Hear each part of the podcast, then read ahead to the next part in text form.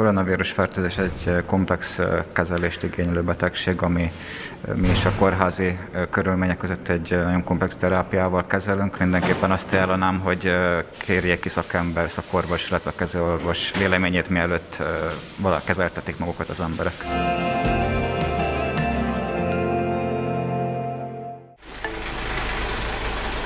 A járvány időszakában több olyan információ is napvilágot látott a koronavírus otthoni kezelésével kapcsolatban, amelynek súlyos következményei lehetnek.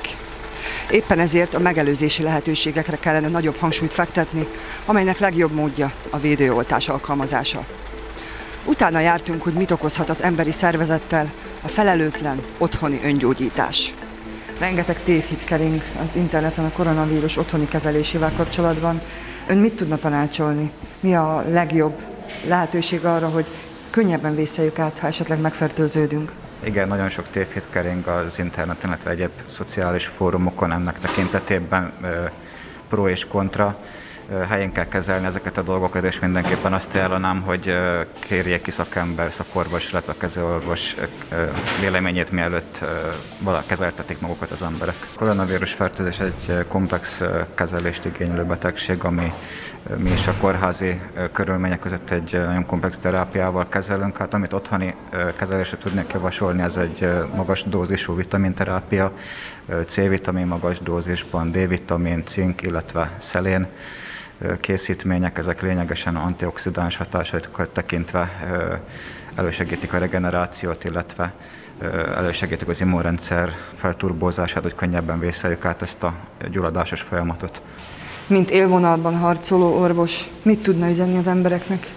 Hát első és legfontosabb üzenet, hogy igenis oltassák be magukat és hozzátartozóikat, mert ez az a leghatásosabb fegyver valóban, és a legbiztonságosabb ahhoz, hogy elkerüljük a kórházi kezelést.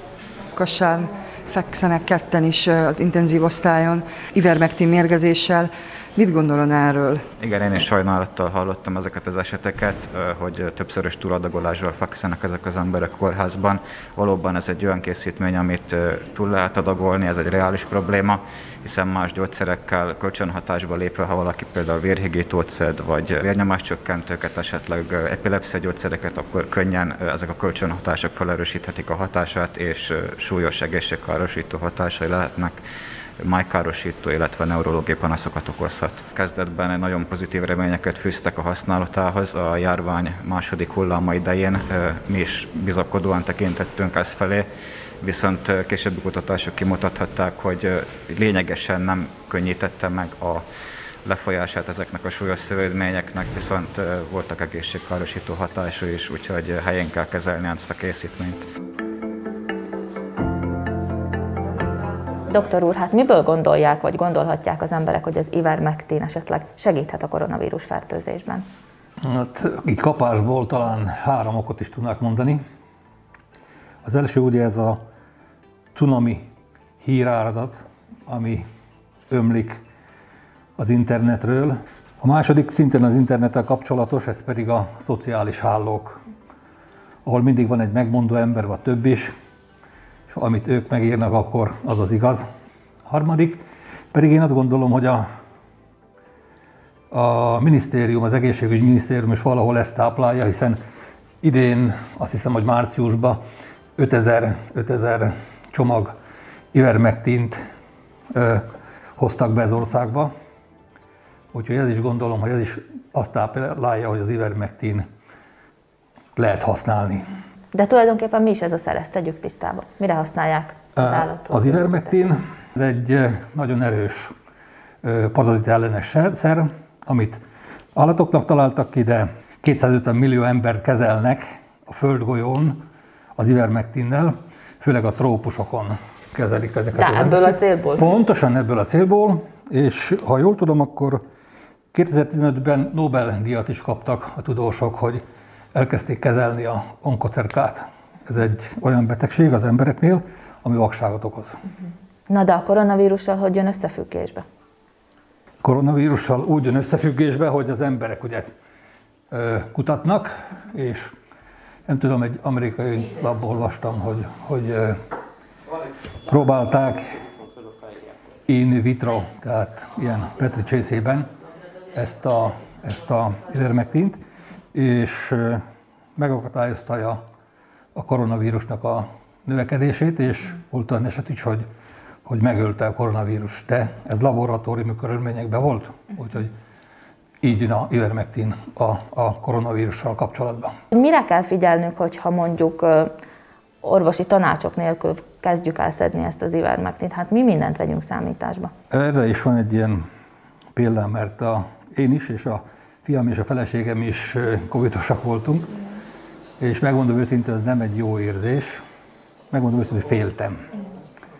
Tehát a házi orvosom, orvosomban konzultáltam, aki azt mondta, hogy a protokollt, amit ebben esetben humán oldalon kell használni, azt, azokat a gyógyszereket beszereztük, és kezeltük is magunkat odahaza, de a félelem az nagy úr, és megmondom őszintén, hogy én is az ivermectinhez gyúltam. Nem ez a pasztás, lópasztás, meg nem tudom milyen kiszerelőben van egy tiszta ivermectin, cseppfolyós oldathoz, amiből kiszámítottam, hogy az én testtömeg súlyomhoz milyen adag a megfelelő, de ez az adag, igaz, ez a, ebbe a virginiai heti labó, a szak, szakorvosi újságban jelent meg, az adag és pontos adaggal, adaggal kezeltem úgymond magam.